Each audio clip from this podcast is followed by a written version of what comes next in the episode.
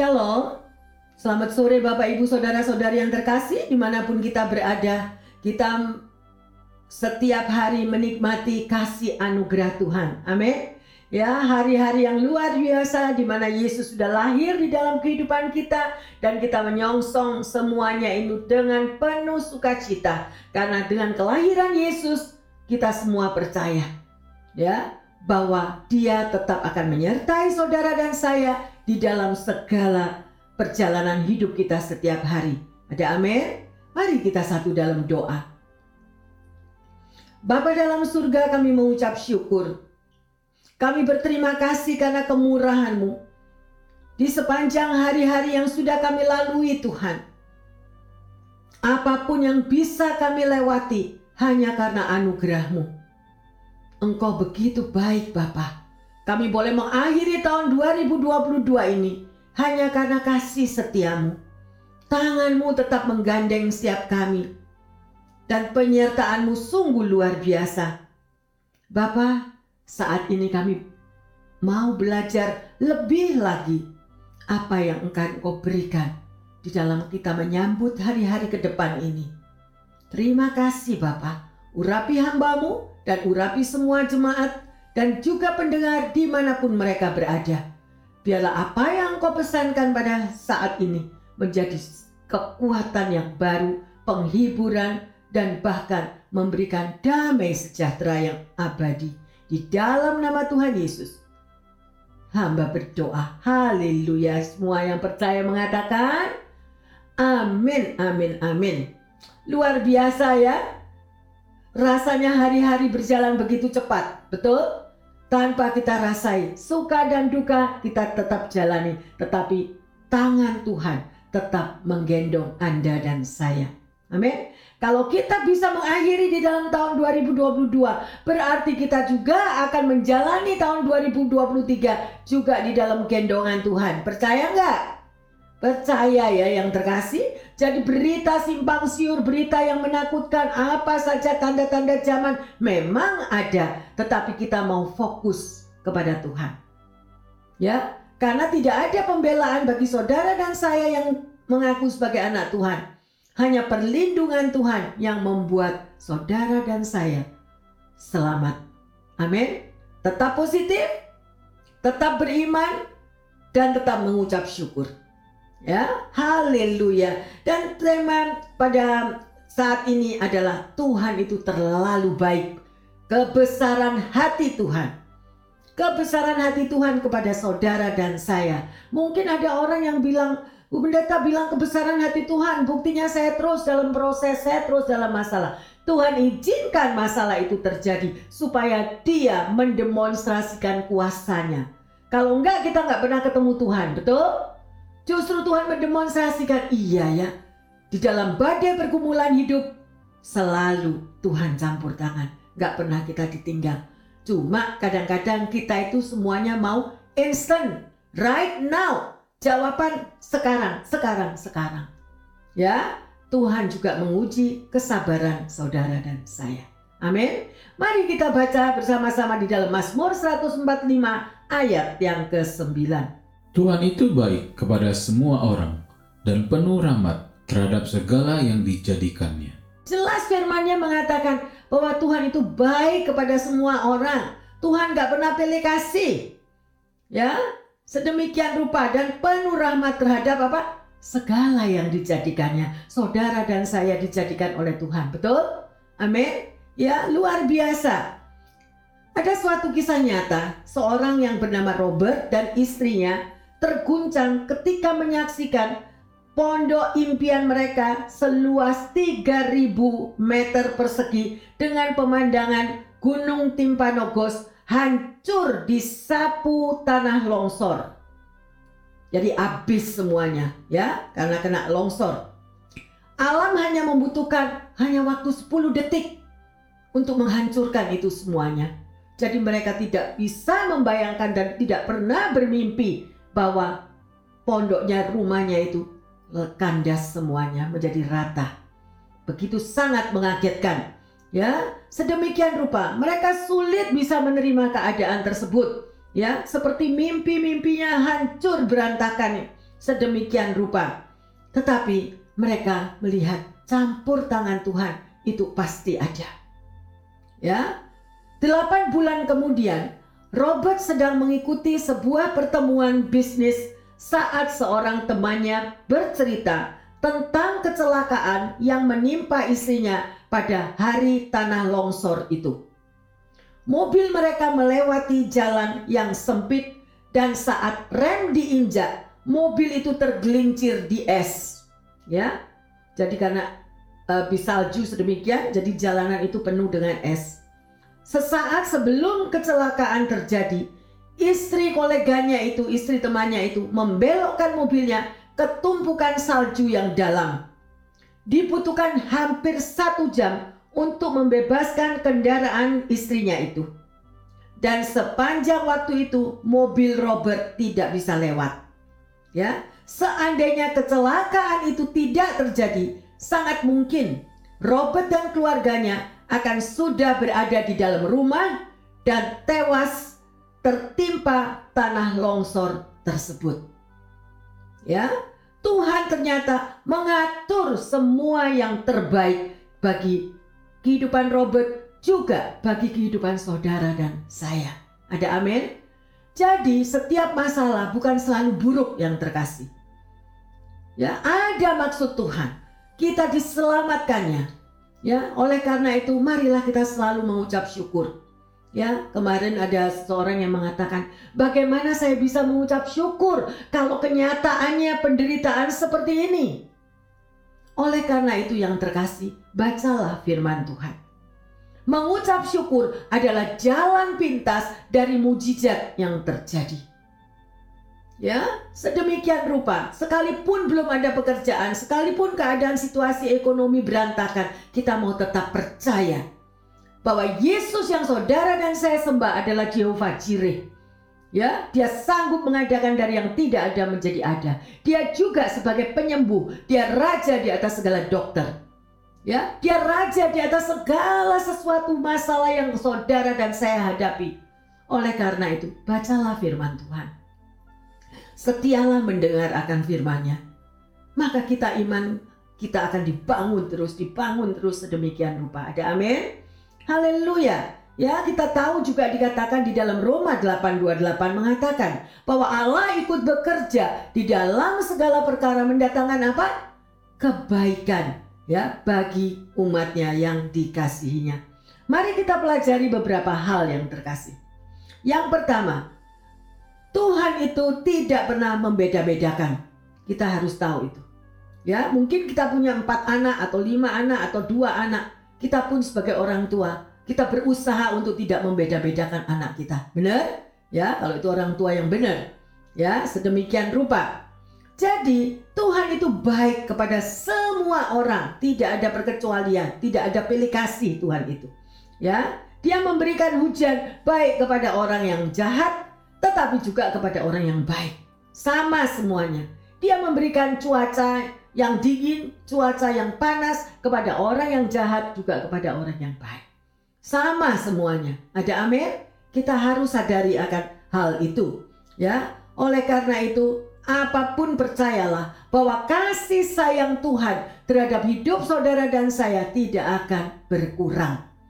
Ya, sedemikian rupa oleh karena itu mari kita lanjut di dalam Roma 2 ayat yang keempat. Maukah engkau menganggap sepi kekayaan kemurahannya, kesabarannya, dan kelapangan hatinya?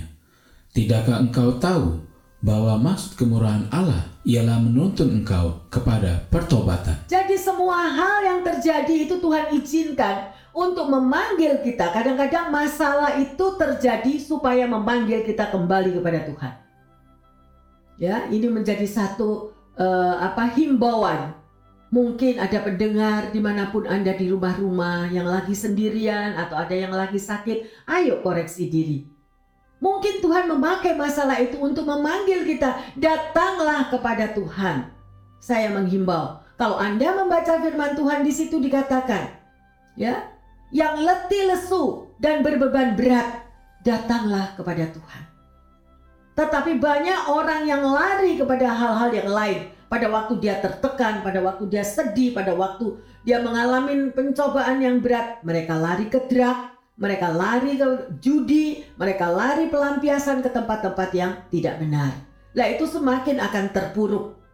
Ya, yang terkasih, ayo sudah dikatakan, maukah engkau menganggap sepi kekayaan kemurahan Tuhan, kesabarannya, dan kelapangan hatinya. Berarti apa? Bahwa Tuhan itu ada batas waktu loh.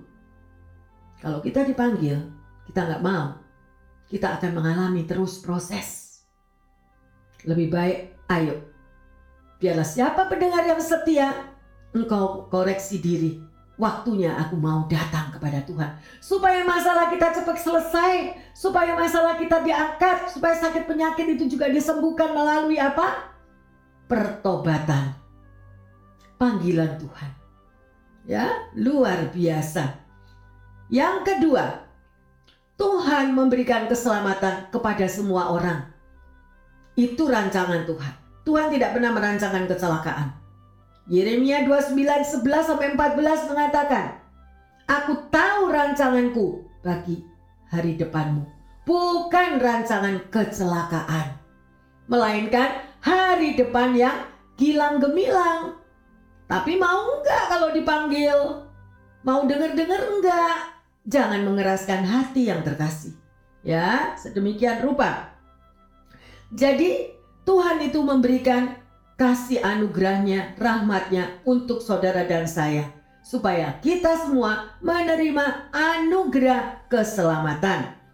Ayo kita baca yang ketiga. Tuhan memberi pertolongan dalam kesusahan. Kita baca di dalam Mazmur 145 ayat yang ke-19. Ia melakukan kehendak orang-orang yang takut akan dia, mendengarkan teriak mereka, minta tolong, dan menyelamatkan mereka. Amin. Sih, lihat. Kalau kita mau berseru datang kepadanya, ini yang dia ngomong. Bukan manusia yang ngomong ya. Tuhan melakukan kehendak orang-orang yang takut akan dia mendengarkan teriak mereka minta tolong dan menyelamatkan mereka. Amin. Bapak Ibu pendengar yang setia di mana pun Anda berada, mungkin bagi para orang tua yang melihat anak-anaknya belum datang kepada Tuhan, doamu sangat besar kuasanya. Doa orang tua besar kuasanya.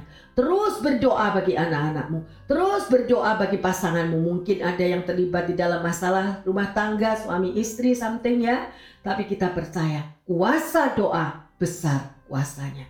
Amin.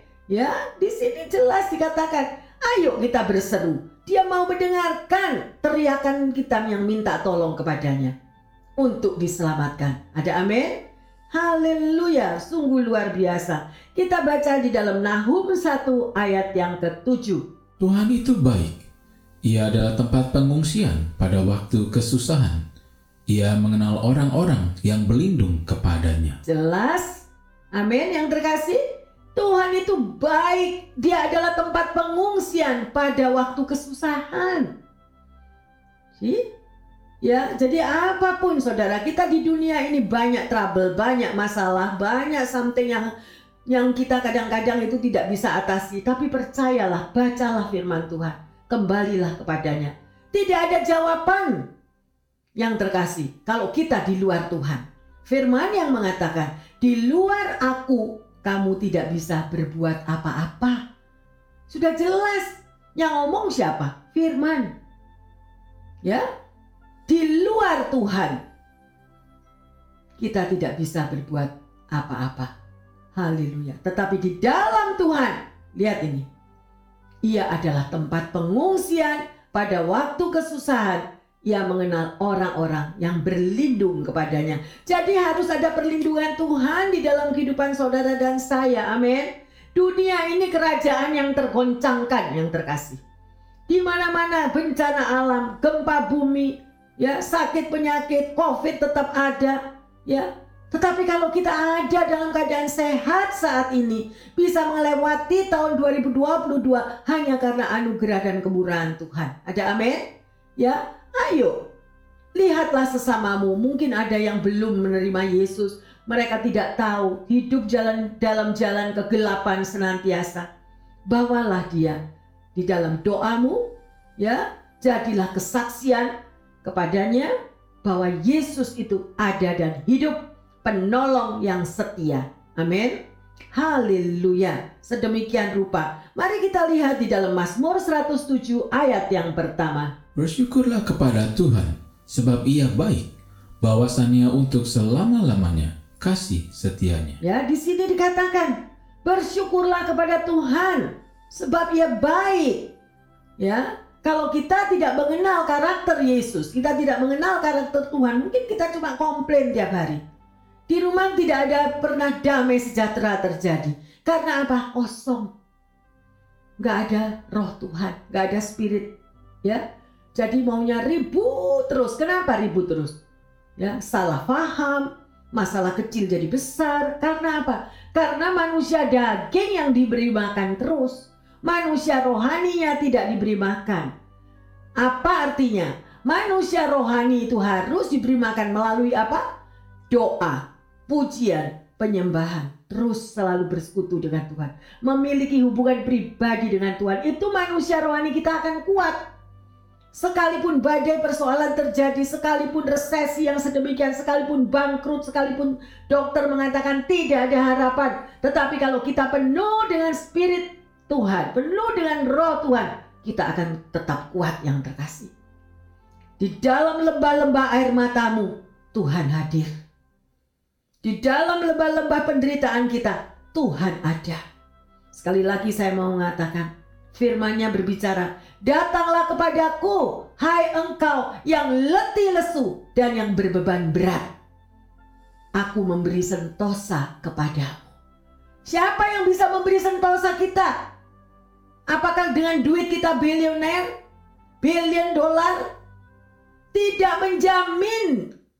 Tetapi kalau ada Yesus hadir di dalam hatimu, di dalam hidupmu, doamu berkuasa Sekalipun yang engkau lihat ini belum terjawab, tapi percayalah, mujizat tetap ada dahulu, sekarang, sampai selamanya. Kalau kita bisa melewati tahun 2022, berarti saudara dan saya sanggup juga melewati tahun 23 dengan kebesaran dan kuasa Allah. Amin. Haleluya. Jangan terus bilang, iya Bu Pendeta, tapi itu ada pendeta yang bilang tahun 23, hati-hati begini, hati-hati begitu, hati-hati. Ah, semua. Makanya baca firman Tuhan. Jangan yang dilihat itu TikTok, TikTok, TikTok. Apa itu saya tidak tahu TikTok, TikTok itu. Saya nggak pernah mau buka. Berita-berita di akhir zaman banyak-banyak sekali berita-berita yang menakutkan. Ya, oleh karena itu carilah berita dari Tuhan Yesus Dialah juru selamat Anda dan saya. Amin. Haleluya yang terkasih. Di Mazmur 34 ayat 16 di situ dikatakan, mata Tuhan tertuju kepada orang-orang benar dan telinganya ya mendengar teriak mereka minta tolong. Lu itu lu pegang itu Mungkin ada yang bilang, Bu Pendeta suami saya bekerja jauh, pulangnya cuma satu bulan sekali. Saya tidak tahu dia di sana bagaimana. Dia di luar pulau atau dia di luar negeri. Percayalah kepada Tuhan. Doamu berkuasa. Amin. Sia-sia perlindungan manusia. Itu firman lo yang ngomong. Sia-sia perlindungan manusia. Hanya perlindungan Tuhan yang membuat selamat. Oke, mungkin kita jauh daripada anak, jauh daripada keluarga, tetapi tangan Tuhan tidak terlalu pendek untuk menolong anakmu, untuk menolong keluargamu. Siapa kita ini? Kita ini manusia terbatas. Bisa enggak? Sekarang saya mau tanya. Kita sebagai orang tua pasti sayang anak. Bisa enggak kita menghalangi kalau anak kita digigit semut atau digigit nyamuk? Bisa 24 jam terus mata kita tertuju? No. Oleh karena itu firman Tuhan ya dan amin. Serahkanlah segala khawatirmu kepada Tuhan. Karena dia yang memperdulikan hidup anak-anakmu, hidup keluargamu. Ada amin, haleluya yang terkasih. Ya, amin, amin sedemikian rupa. Ya. Ada sebuah cerita yang terkasih. Hari itu adalah hari yang menyedihkan di bulan Mei tahun 2003. Ketika pahatan The Old Man of the Mountain, hancur berkeping-keping dan meluncur di lereng gunung. Wajah lelaki tua berukuran 12 meter yang terpahat secara alami di White Mountains, New Hampshire. Ya, ini sangat menarik perhatian daripada para turis. Kehadirannya begitu kokoh bagi warganya dan lambang resmi negara bagian tersebut. Bahkan Nathaniel Hawthorne pernah menulis ya tentang pahatan ini dalam cerpennya dalam storynya yang berjudul The Green Stone Face ya beberapa warga setempat merasa sedih ketika pahatan lelaki tua itu hancur berantakan karena runtuh seorang wanita berkata saya tumbuh dewasa dengan berpikir bahwa ada seorang yang menjaga saya hanya kelihatan melihat uh, pahatan patung yang gede itu tadi, ya. Tetapi kini saya merasa tidak ada lagi yang menjagai saya. Ada kalanya kehadiran seseorang yang kita andalkan menghilang, yang terkasih, ya. Sesuatu atau seorang yang kita percayai di dalam hidup kita itu pergi. Ya. Dan hidup kita menjadi terguncang Mungkin kita kehilangan orang yang kita kasihi, pekerjaan atau tubuh yang tidak sehat lagi. Ya. Kehilangan itu memang membuat keseimbangan kita menjadi tidak lagi stabil, ya. Kita bahkan mungkin akan berpikir bahwa Allah tidak lagi menjaga kita. Nah, itulah ya yang terkasih. Namun firman Tuhan mengatakan mata Tuhan tertuju kepada orang-orang benar. Ya, telinganya mendengar teriak mereka yang minta tolong. Sih, percaya enggak akan firman Tuhan? Lah kalau enggak pernah baca firman Tuhan, tiap hari yang dilihat itu cuma drama ini, drama itu. Ya isinya cuma daging. Tapi kalau kita baca dan mendengar akan firman Tuhan, kita akan dikuatkan tidak salah yang terkasih denger drama tidak salah. Boleh. Tapi jangan non-stop. Story pertama sampai story ke 10 tetap jegrek di muka TV sedemikian. Lost time, wasting time. Tapi kalau kita tambahkan dengan mendengar akan suara Tuhan melalui firman-Nya, melalui khotbah-khotbah, hidup saudara dan saya akan semakin kuat. Amin. Ya, di situ Anda akan merasakan bahwa Anda hidup di dalam kerajaan yang tidak tergoncangkan, yaitu kerajaan Tuhan. Hanya kerajaan Tuhan. Engkau dan saya tidak akan tergoncangkan. Ya. Kenapa? Karena manusia rohani kita kuat. Dikuatkan oleh firman Tuhan. Firman Tuhan itu hidup. Bukan firman Tuhan yang cuma numpang lewat gitu. No. Firman Tuhan itu menjadi rema Ya, sekali lagi, ayo yang terkasih, tahun 23 kita mau perbarui hidup kita. Begitu buka mata pagi, kita bersyukur Tuhan terima kasih. Hari ini keluargaku ada di dalam perlindunganmu. Berkatmu tetap melimpah, kesehatanku semakin kuat. Aku percaya karena engkau selalu ada besertaku setiap hari. Mau bicara demikian yang terkasih? Ya, bicara yang positif. Jangan ada lagi sumpah serapah kebun binatang di rumah tangga. Jangan ada lagi kata-kata yang emosi, kata-kata yang negatif. Buang semuanya itu. Gantilah dengan kata-kata yang positif yang Tuhan ajarkan. Amin. Haleluya. Ya.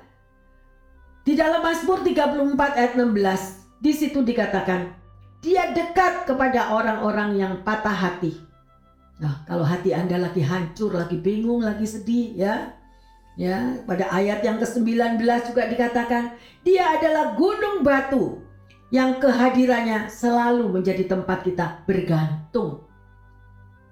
Bapak, Ibu, Saudara-saudari yang terkasih, tahun demi tahun sudah kita lewati, tetap penjaga, penjagaan Tuhan menyertai. Percayakah bahwa saudara di dalam tahun 2000 23 ini juga penyertaan Tuhan menyertai kita. Sekalipun pergumulan hidup terus terjadi, tapi kita percaya, Tuhan, aku taruh keluargaku di telapak tanganmu. Engkau yang menjaga mereka, engkau yang mencukupkan segala kebutuhannya, dan aku percaya kepadamu. Itu adalah kata-kata yang positif. Ya, mari change your mind, ganti channel pikiran kita. Bersyukur kepada Tuhan. Ya, berapa tahun udah kita lewati, ayo. Suka dan duka. Covid terus berjalan. Ya, Sedemikian rupa kalau kita ada sebagaimana kita ada, semua karena kemurahan dan anugerah Tuhan. Amin. Haleluya. Ya, kehadiran dan kebaikan Tuhan itu selalu ada. Ya, tidak pernah dia tinggalkan. Dia terus menerus, terus menerus menjaga saudara dan saya. Ya, sedemikian rupa. Ya, pertanyaannya, bukan di manakah Allah itu? ya, melainkan di mana Allah tidak hadir dalam hidupmu. Jangan cari-cari Tuhan. Tuhan itu ada di dalam hati kita, amin. Ya, di mana Tuhan hadir? Bukan itu pertanyaannya. Tuhan mau hadir di dalam hati kita yang terbuka untuk Dia. Datanglah Tuhan di dalam hidupku, di dalam keluargaku, di dalam anak cucu mantuku, Ya, aku percaya kalau engkau hadir semua beres. Benar gak? Mau beres bersama Tuhan? Atau stres? Bu pendeta saya stres. Saya mau jalan-jalan ke mall. Hmm? Karena ada orang yang bilang gitu daripada gua stres lebih baik gua jalan-jalan di mall. Pulang tambah stres. Bener gak? Lihat orang belanja ini, belanja itu, dibawa dua tangan tidak cukup, taruh di punggung, pakai kereta geledek, Sampai di rumah lagi hitung dah berapa kredit card yang udah keluar. Stres lagi nggak? Haleluya. Itu cuma dunia yang terkasih. Ayo berubah. Tahun 23 kita benahi diri kita. Hidup benar di dalam Tuhan. Damai sejahtera kita miliki. Orang lain nggak bisa kasih damai kepada Anda. Orang lain tidak bisa memberikan damai sukacita. Tapi pada waktu Anda buka mata pagi, Tuhan, terima kasih hidupku di telapak tangan Tuhan. Firman Tuhan mengatakan, kalau Tuhan ada di pihak kita, siapa yang berani melawan? Amin. Ya, siapa yang berani melawan kalau Anda dan saya hidupnya dalam tangan Tuhan? Ayo, masih mau argue sama Tuhan? Masih mau perang-perangan sama Tuhan? Kita kalah, benar? Mau napas hidup kita ini dari Tuhan yang terkasih. Sadarilah hal itu. Ya. Jadi yang hal yang sedemikian Daud juga mengatakan bahwa Tuhan itu baik bukan hanya untuk beberapa orang aja. Ayo kita baca Mazmur 145 ayat yang ke-14. Tuhan itu penopang bagi semua orang yang jatuh dan penegak bagi semua orang yang tertunduk. Nah, sih Tuhan itu penopang bagi semua orang yang jatuh. Jadi mungkin kita ini hidupnya sudah the end of the life. Sudah nggak mau hidup lagi. Udah give up, udah putus asa, nggak mau, nggak mau, nggak mau hidup. Gitu. Tapi kalau belum waktunya mati, Tuhan juga kirim penolong untuk menolong orang tersebut. Amin. Apalagi kalau orang itu berseru kepada Tuhan. Tuhan dengar kok. Tuhan nggak nggak mau kematian seseorang tetapi Tuhan mau pertobatan daripada umatnya. Haleluya. Sedemikian rupa, mari kita lanjut di dalam Mazmur 145 ayat 15 sampai 17. Maka sekalian orang menantikan engkau, dan engkau pun memberi mereka makanan pada waktunya. Engkau yang membuka tanganmu, dan yang berkenan mengenyangkan segala yang hidup. Tuhan itu adil dalam segala jalannya dan penuh kasih setia dalam segala perbuatannya. Nah, ayo baca lagi. Masih mau komplain? Hmm. Siapa Tuhan itu? Ya, luar biasa. Ya, engkau memberikan makanan pada waktunya. Sih, sampai soal makanan pun Tuhan sebut. Ya, mungkin mereka yang jago makan atau suka makan. Ya, menu dari A sampai Z tahu semua. Tapi firman Tuhan tidak tahu. Bingung kan? Makanan jasmani tahu, makanan rohani kagak tahu. Nah, ini menjadi satu pertanyaan tahun 2023. Makanan rohani sekenyang-kenyangnya. Amin. Baca firman Tuhan sebanyak-banyaknya dan jadi berkat jadi kesaksian bagi anak cucu, bagi orang-orang lain. Amin. Haleluya. Kita lanjut. Ya, Mazmur 145 ayat 18 dan 19. Tuhan dekat pada setiap orang yang berseru kepadanya. Pada setiap orang yang berseru kepadanya dalam kesetiaan, ia melakukan kehendak orang-orang yang takut akan dia, mendengarkan teriak mereka, minta tolong, dan menyelamatkan mereka. Nah, kalau Tuhan gak jawab berarti salahnya siapa yang terkasih? Pasti ada something wrong di dalam diri kita, betul? Lah ini janji loh. Janjinya Tuhan sendiri. Ia melakukan kehendak orang-orang yang takut akan dia. Kuncinya tuh kita nih takut akan Tuhan enggak? Gitu. Apa kita tuh uh, apa? Hobinya cuma menyakiti kiri, menyakiti kanan, menyerang kiri, menyerang kanan. Tidak pernah mau menjaga attitude-nya. Mungkin sekolah boleh perguruan tinggi sampai tingkat profesor tingkat 10. Tetapi kalau nggak punya attitude yang baik, tidak tahu akan sopan santun, sama aja kosong yang terkasih. Betul? ya dan itu memalukan orang tuanya memalukan orang-orang juga di sekitarnya karena kita ini adalah kitab yang terbuka ya ayo malu enggak ini loh Oh, Tuhan itu matanya setiap hari tertuju kepada saudara dan saya. Kalau kelakuan kita itu yang boten-boten, yang gak karu-karuan, bikin malu kan? Ya, yang terkasih, ayo kita mau berubah. Ya, sedemikian rupa. Sekali lagi, seruan untuk bersyukur itu mengingatkan saudara dan saya ya akan kebaikan Tuhan di dalam segala waktu. Ayo kita lihat di dalam Mazmur 100 ayat 4 dan 5. Masuklah melalui pintu gerbangnya dengan nyanyian syukur ke dalam pelatarannya dengan puji-pujian. Bersyukurlah kepadanya dan pujilah namanya. Sebab Tuhan itu baik.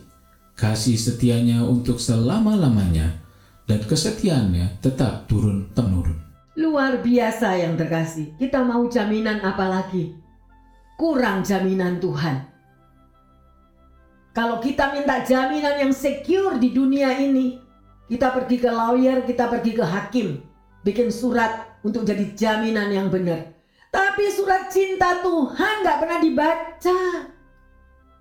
Surat cinta yang luar biasa. Tuhan itu sudah proof, sudah tunjukkan Sebab Tuhan itu baik, kasih setianya untuk selama-lamanya dan kesetiaannya turun-temurun. Berarti bukan cuma buat kita, bukan cuma buat grandpa, grandma, buat happy papa, happy mama. No, buat anak-anak kita juga, buat cucu-cucu kita juga. Amin. Percaya? Haleluya. Ya, ayo. Makanya ini channelnya ganti. Channelnya percaya.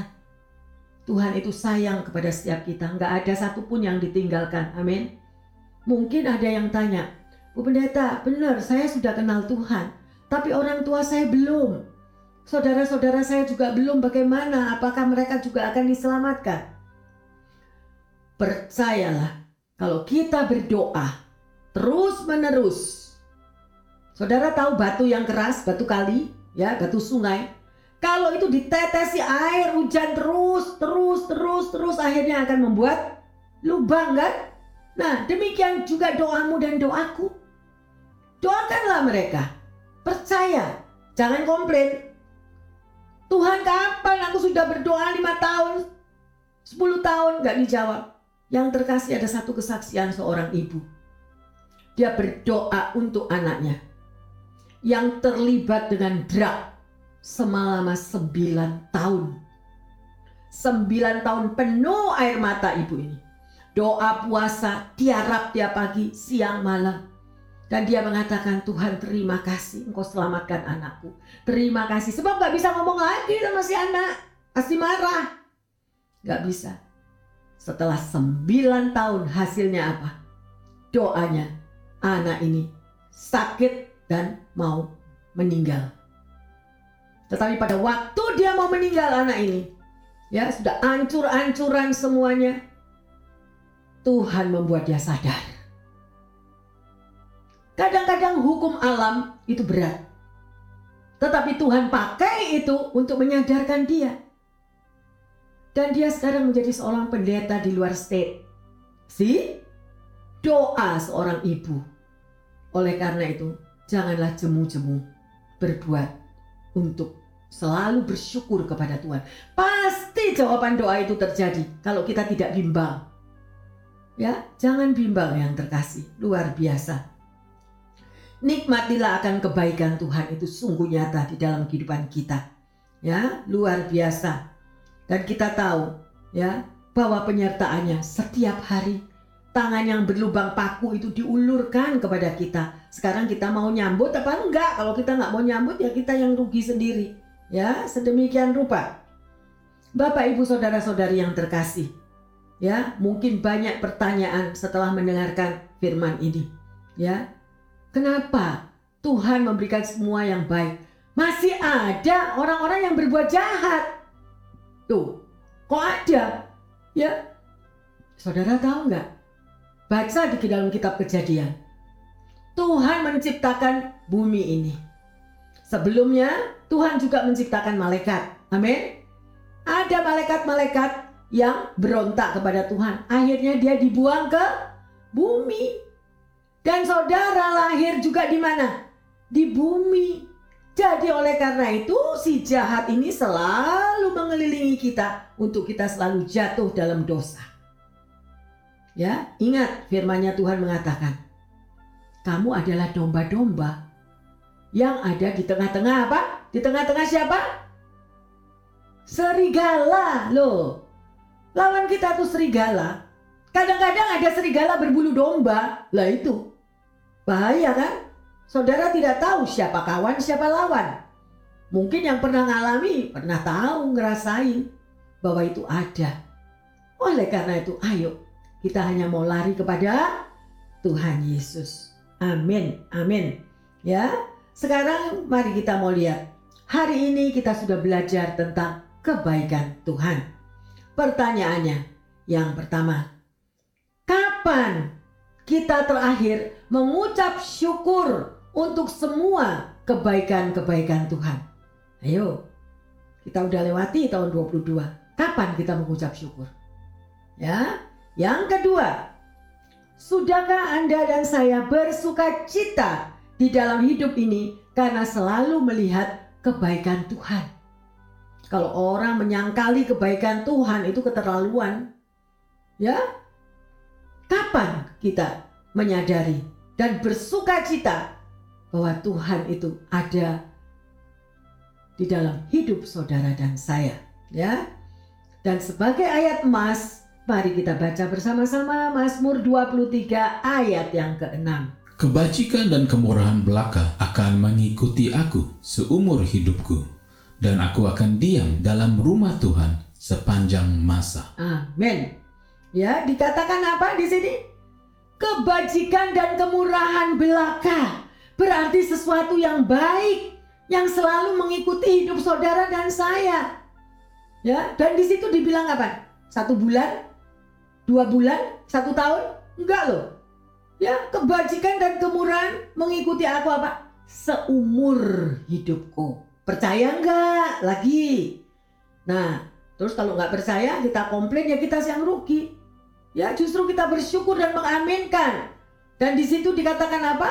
Aku akan diam di mana? Dalam rumah Tuhan sepanjang masa. Sepanjang umur kita. Marilah kita mau hidup terus di dalam Tuhan. Amin. Ada sukacita yang terkasih? Hari ini kita sudah belajar betapa besarnya luar biasanya kebaikan Tuhan dalam hidup saudara dan saya. Ya. Haleluya Bapak. Kami mengucap syukur. Bersyukur dan berterima kasih kepadamu ya Tuhan. Karena engkau begitu baik dan teramat baik bagi kehidupan kami. Ada kalanya kami bimbang ya Tuhan. Mempertanyakan apakah engkau begitu sungguh benar-benar baik. Karena kami tidak percaya kepadamu. Kami tidak yakin Tuhan. Ampuni kami. Mungkin kami juga bertanya, mengapa Tuhan kalau engkau begitu baik, banyak selalu terjadi kejahatan ada di mana-mana. Tuhan, engkau mengenal segala-galanya. Kami percaya Tuhan, bahwa apa pun yang terjadi di dalam muka bumi ini, kebaikanmu tetap ada. Keselamatan tetap engkau berikan kepada setiap kami yang berseru-seru padamu. Sekalipun kami berada di dalam kesukaran, perlindunganmu tetap ada. Penyertaanmu tetap menyertai kami Tuhan. Terima kasih. Sekali lagi ampuni salah dosa kami. Ampuni segala ketidakmengertian kami. Ampuni ya Tuhan. Oleh karena itu Tuhan, kembali Engkau mengingatkan di tahun yang baru ini Tuhan. Kami mau bereskan semua apa pun, semua yang negatif, semua yang tidak baik di dalam kehidupan masa lalu kami. Dan kami menyambut tahun baru ini dengan hati yang baru. Dengan penyertaan bahwa Tuhan Yesus terlalu amat baik di dalam kehidupan setiap kami. Mampukan kami bersyukur ya Tuhan.